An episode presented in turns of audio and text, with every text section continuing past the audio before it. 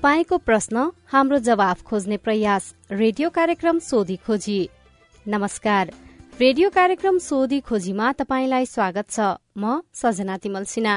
तपाई यो कार्यक्रम सामुदायिक रेडियो प्रसारक संघ अकुराबद्वारा संचालित सामुदायिक सूचना नेटवर्क सीआईएन मार्फत देशैभरिका सामुदायिक रेडियोबाट सुनिरहनु भएको छ। साथै सीआईएन खबर डट कम र मोबाइल एप सीआईएनमा पनि यो कार्यक्रम सुन्न सकिन्छ। आम नागरिकमा लक्षित कल्याण र समुन्नतिका लागि प्रजातान्त्रिक पद्धति अपनाई कानून बमोजिम संचालित कुशल पारदर्शी र जवाफदेही युक्त शासन प्रणालीलाई सुशासन भनिन्छ। सुशासनले विधिको शासनमा विश्वास गर्दछ। शासन सत्तामा रहेका व्यक्तिले देश र जनताको सेवकको रूपमा आफूलाई नबुझेसम्म सुशासनले मूर्त रूप लिन सक्दैन। अनि सुशासनमा सार्वजनिक सेवा प्रवाह गर्ने राज्य यसका निकाय र सिंगो प्रशासन तन्त्रले देश र जनताको भलाइका लागि काम गर्न निस्वार्थ रूपमा छिटो एवं छरितो सेवा प्रवाह गर्नुपर्दछ। तपाईँले ती सेवा कसरी पाइरहनु भएको छ? तपाईँका सवाल र सेवालाई नागरिक मैत्री बनाउन केही प्रश्न तथा जिज्ञासाहरू छन्? तपाईँले सीआईएनमा पठाएका तीनै प्रश्न जिज्ञासाको हामी जवाब सोध्नेछौं। तपाईँले गरेको प्रश्न सवाल हो। सवालको जवाफ कसले दिन्छ? यी जम्मै सवालको प्रमुख जिम्मेवार को हो? हामी जिम्मेवार निकाय र व्यक्तिलाई सोध्ने मात्रै छैनौं त्यसको खोजी पनि गर्नेछौ। तपाईँको प्रश्नको उत्तर मात्रै खोज्ने छैनौ त्यसपछि त्यो सवाललाई टुङ्गोमा पुर्याउन के भइरहेको छ त्यसको पनि सोधी खोजी गर्नेछौ। हाम्रो टेलिफोन नम्बर शून्य एक बान्न साठी छ चार छमा फोन गरेर रेकर्ड गर्नुहोस्। यो नम्बरमा तपाईँले जुनसुकै बेला फोन गरेर आफ्नो प्रश्न जिज्ञासा गुनासा अनि समस्या रेकर्ड गर्न सक्नुहुनेछ। तपाई प्रश्न राख्नुहोस् हामी जवाफ खोज्नेछौ कार्यक्रम सोधी खोजीमा। देश संघीयतामा गएपछि सात सय त्रिपन्नवटा स्थानीय सरकार छन्। सात प्रदेश सरकार र केन्द्रमा संघीय सरकार छ। संघ प्रदेश र स्थानीय सरकारबाट सम्पादन हुने काममा ढिला सुस्ती छ। अनियमितता भएको छ नियम मिचेर कसैले काम गरेको छ भने तपाईँले ती गुनासा सीआईएनमा राख्न सक्नुहुनेछ। घर दैलोमा सरकार पुगेपछि नागरिकले प्रभावकारी सेवा पाउने अनि विकासको कामले प्राथमिकता पाउने आशा गरिएको थियो। के नागरिकले त्यही आशा अनुसारको सेवा पाइरहेका छन्? छैनन् भने ती प्रश्न पनि तपाईँले राख्न सक्नुहुनेछ। हामीसँग आज स्वास्थ्य शिक्षा लगायतका विविध विषयमा आएका तपाईँका प्रश्न अनि ती प्रश्नको जवाब छ। सबैभन्दा पहिला शिक्षक सेवा आयोगसँग सम्बन्धित प्रश्न अनि ती प्रश्नको जवाफ। सबै प्रश्नको जवाफ दिँदै हुनुहुन्छ शिक्षक सेवा आयोगका सूचना अधिकारी सुदर्शन मरहट्टा। नमस्कार म विवेक केसी त्रिवेणी गाउँपालिका वार्ड नम्बर तिन रामिडाँडा रोल्पाबाट हो। यस शैक्षिक सत्र दुई हजार उनासी असीदेखि शिक्षा संकाय अन्तर्गत कक्षा एघार बाह्र प्लस टू पास गरेकाले शिक्षक सेवा शिक्षक अध्यापन अनुमति पत्र लाइसेन्समा सहभागी हुन मिल्दैन भन्ने कुरा सुनेको छु के यो साँचो हो? धन्यवाद मित्र। तपाईँले सुनेको कुरा साँचो हो। किनकि शिक्षक सेवा आयोग नियावलीमा निम्न माध्यमिकको अध्यापन अनुमति पत्रको लागि चाहिँ जुन यो मा माध्यमिक शिक्षा उत्तीर्ण परीक्षा कक्षा बाह्र वा सो सरको परीक्षा उत्तीर्ण गरी शिक्षा विषयमा कम्तीमा दस महिना तालिम लिएको भन्ने कुरो उल्लेख छ। तर अहिलेको जुन हाम्रो जुन प्लस टूको एकल पथीय चाहिँ जुन पाठ्यक्रमको आधारमा जो हाम्रा परीक्षार्थी जो भाइ बहिनीहरू हुनुहुन्छ उहाँहरूको त्यो योग्यता पुग्दैन भन्ने कुरो चाहिँ हामीले शिक्षा मन्त्रालय हाम्रोमा चाहिँ छलफल पनि चलाइसकेका छौँ। र सम्भवतः त्यो शिक्षा निय शिक्षक सेवा आयोग नियावलीमा जब चाहिँ यो नियावली संशोधन हुँदैन तबसम्म तपाईँहरूको यो परीक्षामा चाहिँ सहभागी हुने व्यवस्था चाहिँ नि अहिले देखिँदैन। तर कानुन संशोधन भयो भने निश्चय पनि नेपाल सरकारले कानुन संशोधन गरेर त्यसलाई सम्बोधन गर्छ भन्ने कुरामा शिक्षक सेवा आयोग चाहिँ विश्वस्त छ। त्यसो भए आगामी दिनमा कस्ता व्यक्तिहरूले शिक्षक सेवा आयोग लड्न पाउँछन्? अब जुन कि हाम्रो योभन्दा अगाडि चाहिँ नि एजुकेसन लिएका जो भाइ बहिनीहरू हुनुहुन्छ होइन उहाँहरू र शिक्षा सङ्कायबाट चाहिँ नि प्रवीणता प्रमाणपत्र छ या चाहिँ स्नातक छ त्यस्ता व्यक्तिहरूमा चाहिँ सहभागी हुने व्यवस्था चाहिँ हाम्रो कानुनमा छ। अन्त जब शिक्षक सेवा आयोग भनेको कानुन कार्यान्वयन गर्ने निकाय भएको हुनाले कानुनमा भएका विषयवस्तुलाई मात्रै सम्बोधन गर्न सक्छ। उसले आफैले चाहिँ किनकि शैक्षिक योग्यताहरू परिवर्तन गर्ने त्यसलाई संशोधन गर्ने सक्ने अवस्था नभएको हुनाले यो कुरो शिक्षक सेवा आयोगले भनौँ आफ्नो जुन जुन ठाउँमा यो कुराहरू राख्नु परिन्छ त्यो कुरा चाहिँ राखेको छ आगामी दिनमा चाहिँ यसले समस्या उत्पन्न गर्छ भनेर हाम्रो शिक्षक सेवा आयोगले जानकारी गराइसकेको छ। नमस्ते मेरो नाम शिशिर दागी म रोल्पाबाट बोल्दैछु। अध्यापन अनुमति पत्र शिक्षकको लाइसेन्समा साउन अठाइस गतिको परीक्षामा म रूपन्देही जिल्लाको कालिका मावि क केन्द्रमाबाट परीक्षा दिएको म दृष्टिबिन अपाङ्गता भएको व्यक्ति हो। मैले बनाएको सिपारिस सहित मैले परीक्षामा संलग्न भएको थिएँ तर मैले सिपारिस उहाँहरूले मेरो सिपारिस हेरिदिनु भएन हेर नहेरेर मैले सिपारिस छुटेछ दिन। र मैले हाजिरी पनि लगाएको हो। योमा केही मेरो प्रश्न पत्र चेक हुन्छ कि हुँदैन? त्यो म क केन्द्रमा परेको म म ग केन्द्रमा मलाई राखिएको थियो। मैले क केन्द्रकै हाजिरी गरेको हो। यसमा केही असर पर्छ कि पर्दैन मलाई स्पष्ट पारिदिनुको लागि म अनुरोध गर्दछु। नमस्ते धन्यवाद। दृष्टिबिन हुन्छ तपाईँलाई सर्वप्रथम चाहिँ अग्रिम शुभकामना छ तपाईँ पास गर्नुहोस् भन्ने मेरो चाहिँ शुभेच्छा तपाईँलाई प्रकट गर्छु। र तपाईँले जुन कि सम्बन्धित जुन परीक्षा केन्द्र तपाईँको क ग त्यहाँ भन्नुभयो तपाईँ जुन परीक्षा केन्द्रमा पर्नु भएको छ त्यही परीक्षा केन्द्रको चाहिँ हाजिरीमा तपाईँले दस्तखत गर्नु भएको छ भनेदेखि तपाईँको परीक्षा हुन्छ। त्यसमा समस्या छैन। यदि तपाईँले परीक्षा केन्द्र कको मान्छे कमा या गमा जानुभयो भने चाहिँ त्यस अवस्थामा चाहिँ परीक्षा रद्द हुनु पनि सक्छ। अहिले यसले आयोगले चाहिँ जुन सूचना निकाल्दाखेरि परीक्षा केन्द्र परिवर्तन गरी परीक्षा दिनु पाइन्छ त्यस्तो परीक्षाको परीक्षा रद्द हुन्छ भनेर सूचना जारी गरेको छ। र अहिले यो उत्तर पुस्तिका परीक्षण र नतिजा प्रकाशनकै क्रममा रहेको हुँदा चाहिँ स्पष्ट रूपमा चाहिँ रद्द हुन्छ या के हुन्छ भन्ने जवाब दिन म अलि असमर्थ छु। यदि तपाईँ सम्बन्धित परीक्षा केन्द्रमै तपाईँले परीक्षा दिनुभएको छ भने तपाईँलाई मेरो नाम विपना शाही भूमे तिन मोराबाङदेखि। मेरो लाइसेन्सको इक्जाममा नाम लेख्दा मसी अलि बढी खसेको रहेछ। त्यसमा हातले टच लागेर हल्का मसी नाम लेख्ने कोठाभन्दा बाहिर गएको छ। नाम स्पष्ट बुझिएको छ तर त्यो सङ्केत मानेर चेक नहुने हो कि भन्ने लागिरहेछ। के हुन्छ होला? जुन कि शिक्षक सेवा आयोगले ओएमआर सिटलाई विशेषतः तपाईँहरूको नामलाई भन्दा पनि हामी चाहिँ नि तपाईँको त्यो रोड नम्बर बवल गरिदिन्छ त्यसलाई चाहिँ हामीले बढी मात्रामा हाम्रो मिसनले पढ्छ रोड नम्बर रोड नम्बरको आधारमा हामी नतिजा प्रकाशन गर्छौँ र तपाईँको त्यो मसी लतपत्तेको कारणले तपाईँको नाममा समस्या आएको कारणले तपाईँको उत्तर पुस्तिका परीक्षा नहुने रद्द हुने अवस्था छैन। तपाईँ ढुक्काउन त्यहाँदेखि तपाईँले चाहिने केन्द्रदेखि पचास नम्बर ल्याउनुहुन्छ फिफ्टी मार्क्स चाहिँ तपाईँले कटाउनुहुन्छ भने तपाईँ परीक्षामा पास हुनुहुन्छ। तपाईँको त्यही कारणले उत्तर पुस्तिका रद्द हुँदैन। नमस्कार मेरो नाम टङ्कज श्रेष्ठ शङ्करसभा जिल्ला पाँच खाउ नगरपालिका वार्ड नम्बर तिन शिव हो। यही साउन अठाइस भएको शिक्षक सेवा आयोग लाइसेन्सको परीक्षामा म बालमा बिरानी विराटनगर मोरङमा परेको थिएँ।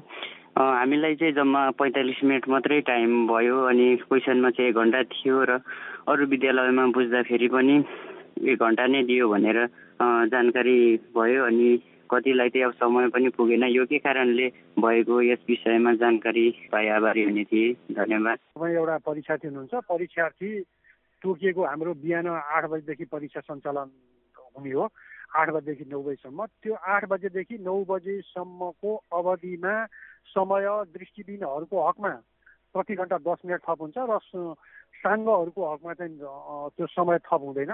त्यसकारण तपाईँ कति बजे पुग्नुभयो सित पन्ध्र मिनटभन्दा पछाडि तपाईँ पुग्नु भएको तपाईँ परीक्षामै सहभागी हुन सक्नुहुन्थ्यो। पन्ध्र मिनटभित्रै तपाईँ पुग्नु भएछ त्यसमा चाहिँ समय थप हुने व्यवस्था चाहिँ शिक्षक सेवा आयोगको नियममा र परीक्षा पद्धतिमा त्यस्तो छैन। नमस्ते म दिनेश नेउपानी मैले निमाविको लाइसेन्स दिँदाखेरि मेरो त्यो ओएमआर सिटमा रोल नम्बरमा मिस्टेक भएको छ गोलो लगाउनेमा। त्यसको लागि के कस्तो व्यवस्था छ भनी जानकारी गराइपाउँ भन्न चाहेको छु। अहिले ओएमआर सिटको सन्दर्भमा निम्न माध्यमिक तहको नमुना ओएमआर सिट भनेर वेबसाइटमा पनि राखिएको थियो। तपाईँले जुन रोड नम्बर लेख्ने क्रममा त्यहाँ बबल लाउनु पर्ने हुन्छ हाम्रो एघारवटा चाहिँ अङ्कहरूमा रोड नम्बर लेख्नु पर्ने हुन्छ। तपाईँले सही सलामत माथि लेखिएको रोड नम्बर तपाईँको चाहिँ गोलो लाउने प्रयोजनको लागि यदि त्यो लेखिएको तपाईँले अङ्कमा सही लेख्नु भएको छ तब गल्ती बबल चाहिँ गलत गर्नु भने तपाईँको उत्तर पुस्तिका परीक्षण हुँदैन त्यो रद्द हुन्छ। यदि सही सलामत तपाईँले चाहिँ के बबल ठिक लाउनु भएको छ भने माथिको अङ्क यदि गलत लेखे पनि तलकोले समात्छ र त्यो हाम्रो ओएमआर विषयमा पनि त्यही पर्छ। तपाईँको परीक्षाको उत्तर पुस्तिका परीक्षण हुन्छ।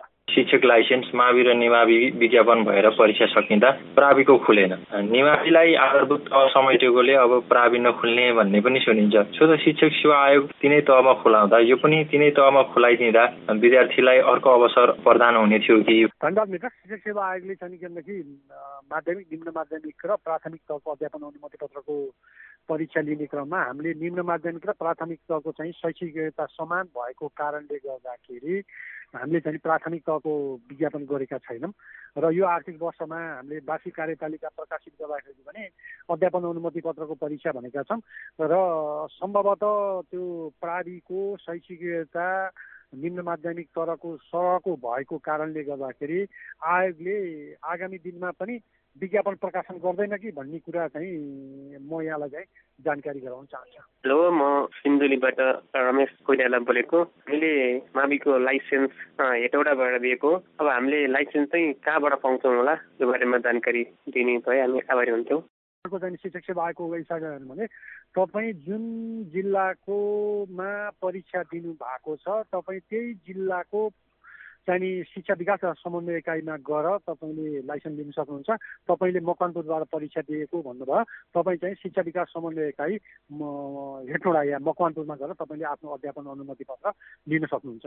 हजुर नमस्कार। म बैतडीदेखि यो निमाविको अध्यापन अनुमति पत्र लाइसेन्सको इक्जाम दिएर आएको हो। प्रश्न पत्र त राम्रै गएको छ तर त्यो मेरो के छुट्या छ त्यस बारेमा चाहिँ बुझ्न पाएपछि म धेरै अगाडि हुने थिएँ। र जब हामी चाहिँ के भनेदेखि जुन हाम्रो एबिसिडी भनेर तिनवटा चारवटा सेटमा चाहिँ हामीले प्रश्न सोध्छौँ। यदि तपाईँले सेट नै लेख्न भएको छैन भनेदेखि तपाईँको उत्तर पुस्तिका या ओएमआर सिट कुन सेटबाट परीक्षण गर्ने? त्यो कन्फ्युज हुन्छ त्यस कारण त्यो तपाईँले ओएमआर सिट लेख्नु भएको छैन भनेदेखि तपाईँको परीक्षा रद्द भयो। त्यसबाट चाहिँ कुनै पनि मूल्याङ्कन हुँदैन। त्यो उत्तर पुस्तिका परीक्षण हुँदैन। नमस्कार मेरो नाम ब्रह्मदान छात्र श्री चारनुबाट यो आधारभूत तहको लाइसेन्स कहिले कहिले आउला? यो प्रश्न म आभारी हुने थिएँ अब हामीले भर्खर चाहिँ परीक्षा अस्ति अठाइस गते ल्याएको छौँ। हामी आफ्नो प्रक्रियामा अगाडि बढेका छौँ। र हाम्रो वार्षिक कार्यतालिकाले असोजभरिमा चाहिँ निम्न माध्यमिक तहको जुन अध्यापन अनुमति पत्रको नतिजा प्रकाशन हुन्छ भनेर हामीले सार्वजनिक गरेका छौँ प्रतीक्षा गर्नुहोस् असोजभरि तपाईँको परीक्षाको नतिजा आउँछ। उहाँ हुनुहुन्थ्यो शिक्षक सेवा आयोगका सूचना अधिकारी सुदर्शन मरहट्टा। आयोगसँग सम्बन्धित प्रश्नको जवाफ दिँदै। शिक्षक सेवा आयोगपछि अब त्रिभुवन विश्वविद्यालयसँग सम्बन्धित प्रश्नको पालो।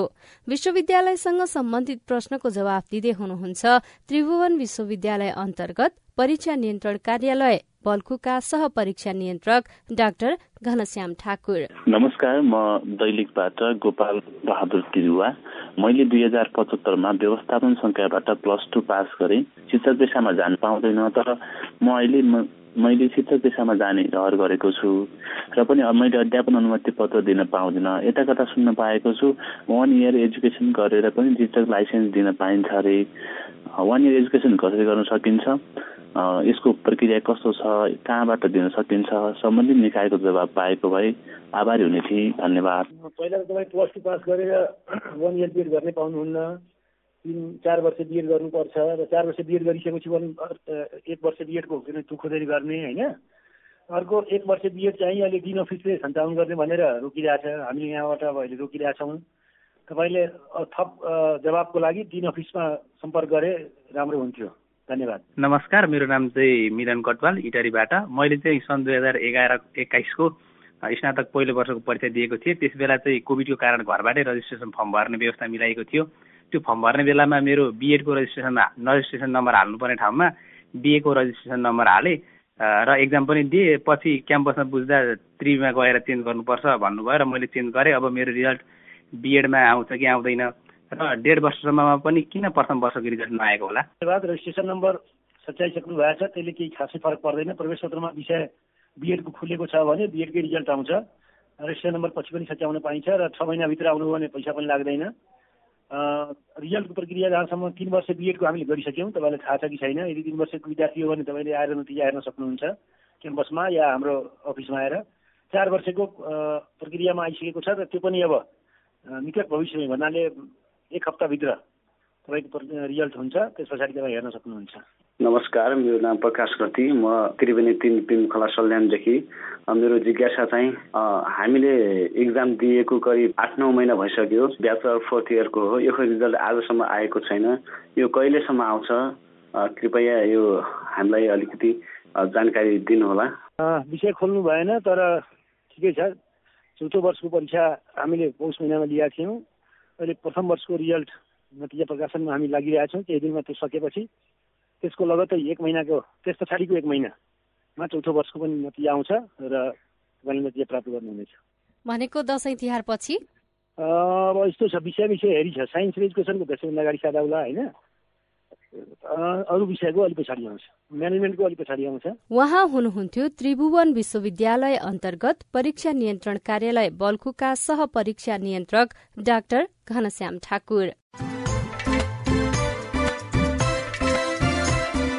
तपाई अहिले कार्यक्रम सोधी खोजी सुनिरहनु भएको छ। यो कार्यक्रम सामुदायिक रेडियो प्रसारक संघ अखराबद्वारा संचालित सामुदायिक सूचना नेटवर्क सीआईएन मार्फत देशभरिका सामुदायिक रेडियोसँगै सीआईएन खबर डट कम र मोबाइल एप सीआईएनमा पनि सुन्न सकिन्छ। कार्यक्रममा हामी तपाईँको प्रश्न लिन्छौं अनि ती प्रश्नको जवाब सम्बन्धित निकायलाई सोध्छौं। तपाई पनि कार्यक्रममा सहभागी हुन सक्नुहुनेछ। त्यसको लागि तपाईँले शून्य एक बान्न साठी छ चार छमा फोन गरेर आफ्नो प्रश्न रेकर्ड गर्न सक्नुहुनेछ। केही बेर अघि हामीले शिक्षक सेवा आयोग र त्रिभुवन विश्वविद्यालयसँग सम्बन्धित प्रश्नको जवाफ लियौं। अब अरू प्रसंग नमस्कार म दाङ घरैबाट अच्युत कृष्ण खरेल बोलेको छु। ब्याङ्कहरूबाट कर्जा प्रवाह रोकिएको एक वर्ष भइसक्यो। आज पनि यो खुल्दैन। यसले साना किसानहरूलाई मर्का परेको छ। अब कहिलेसम्म खुल्छ? मेरो जिज्ञासा यही छ। जवाफ दिँदै हुनुहुन्छ नेपाल राष्ट्र बैंकका सूचना अधिकारी नारायण प्रसाद पोखरेल। नेपाल राष्ट्र ब्याङ्कले ब्याङ्क वित्तीय संस्थाहरूलाई ऋण प्रवाहमा कुनै पनि रोकटोक लगाएको छैन। हिजोका दिनहरूमा पनि राष्ट्र ब्याङ्कले ब्याङ्क वित्तीय संस्थाहरूलाई ऋण प्रवाहमा कुनै रोक लगाएको थिएन भने आजका दिनमा पनि कुनै रोक लगाएको छैन र आगामी दिनहरूमा पनि कुनै रोक लगाउँदैन तर सर्वसाधारणहरूले ब्याङ्कहरूमा एप्रोच गर्दाखेरि ऋण नपाउने गुनासाहरू हामीले सुनि नै रहेका छौँ। ब्याङ्क वित्तीय संस्थाहरूले कर्जा निक्षेप अनुपात राष्ट्र ब्याङ्कले तोकेको सीमा जुन नब्बे प्रतिशत भनेको छ त्यो प्रतिशत वा सोभन्दा कम हुनुपर्ने व्यवस्था गरेकोले पनि गत आर्थिक वर्षमा धेरै जसो ब्याङ्क वित्तीय संस्थाहरूको कर्जा निक्षेप अनुपात नब्बेभन्दा बेसी भएको कारणले पनि उहाँहरूले ऋण प्रवाह गर्न सक्नु भएको थिएन र चालु आर्थिक वर्ष अहिले साउन चलिरहेछ भर्खरै साउन चलिरहेछ र यो चालु आर्थिक वर्ष लागिसकेपछि धेरै ब्याङ्कहरूको यो कर्जा निक्षेप अनुपात राष्ट्र ब्याङ्कले तोकेको सीमा भित्रै रहेको अवस्था छ। त्यसले गर्दाखेरि ऋण प्रवाहमा उहाँहरूलाई खासै समस्या पर्ला जस्तो लाग्दैन। हामीले चालु आर्थिक वर्षमा ब्याङ्क वित्तीय संस्थाहरूको अधिक यो तरलता जसलाई एक्सेस लिक्विडिटी भन्छौँ यो यो साउन लगाइसकेपछि हामीले पर यो प्रतिदिन एभरेजमा हेर्दाखेरि पनि पन्ध्र सत्र अरब बराबरको अधिक तरलता ब्याङ्क वित्तीय संस्थाहरूसँग कायमै छ। र ब्याङ्क तथा वित्तीय संस्थाहरूले तरलताको सङ्कट भयो उहाँहरूलाई तरलता आवश्यकता पर्यो भने राष्ट्र ब्याङ्कबाट यो स्ट्यान्डिङ लिक्विडिटी फेसिलिटी भन्छ त्यो पनि उहाँहरूले सदुपयोग गर्न सक्नुहुन्छ।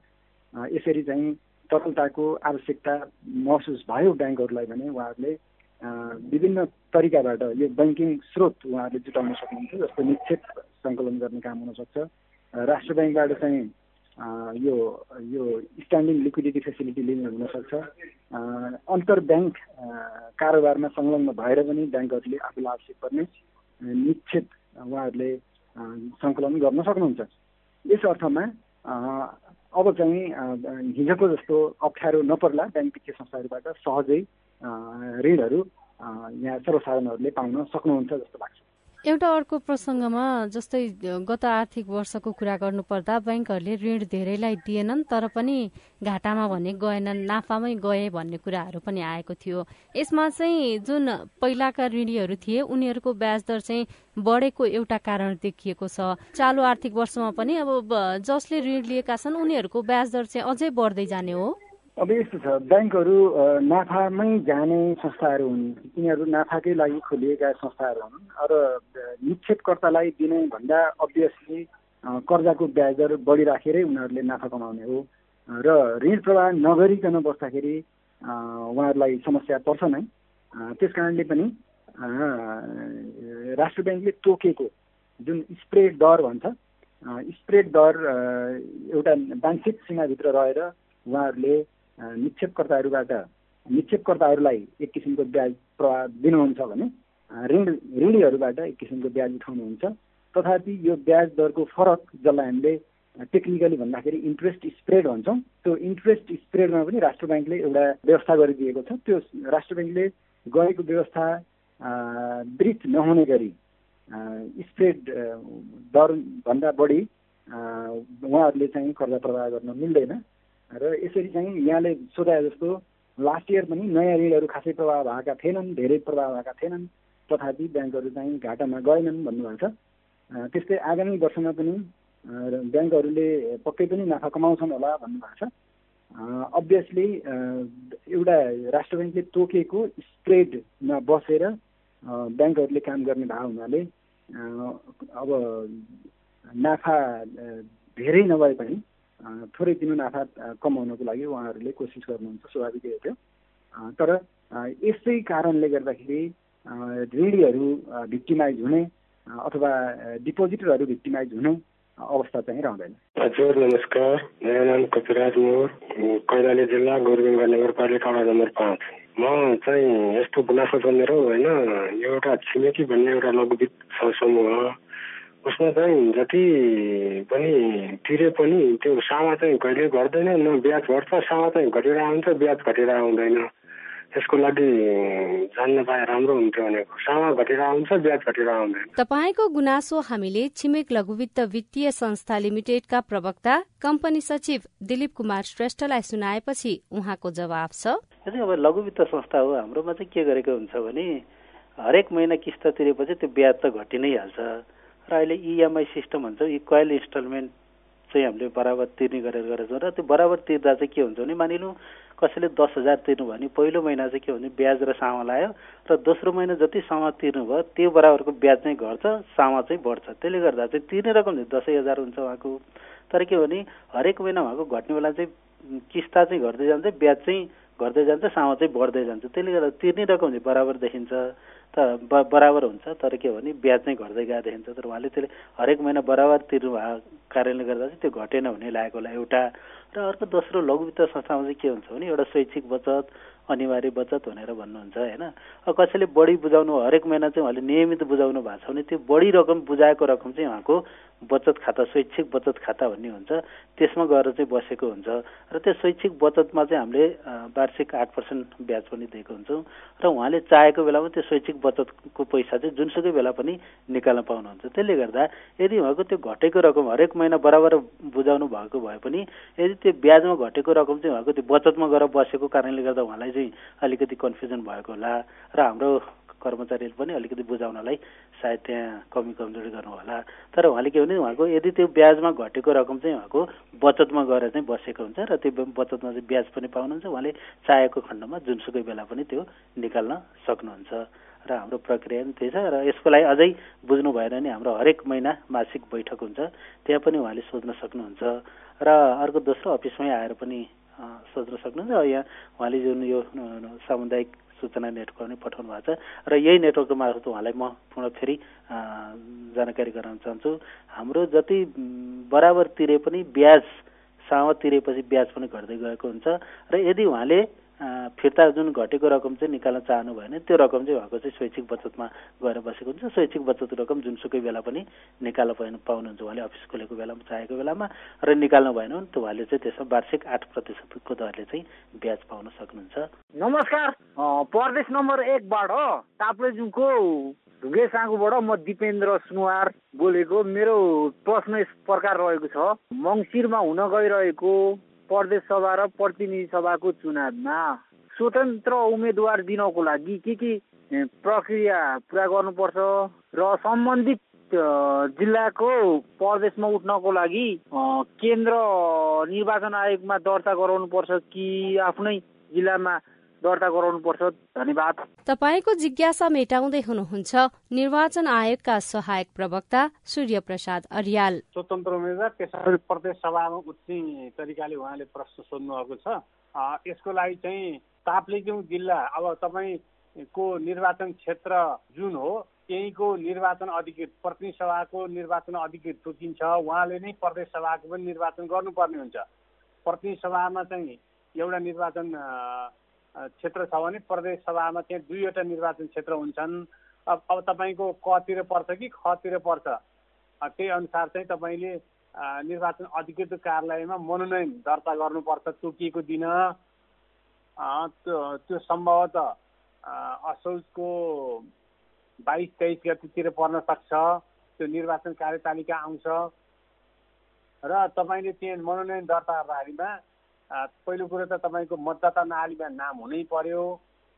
अन्तिम मतदाता नालीमा दोस्रो कुरो तपाईँ पच्चिस वर्ष उमेर पुगेको हुनुपर्छ र तपाईँ कानुनले अयोग्य नठहरिएको हुनुपर्छ।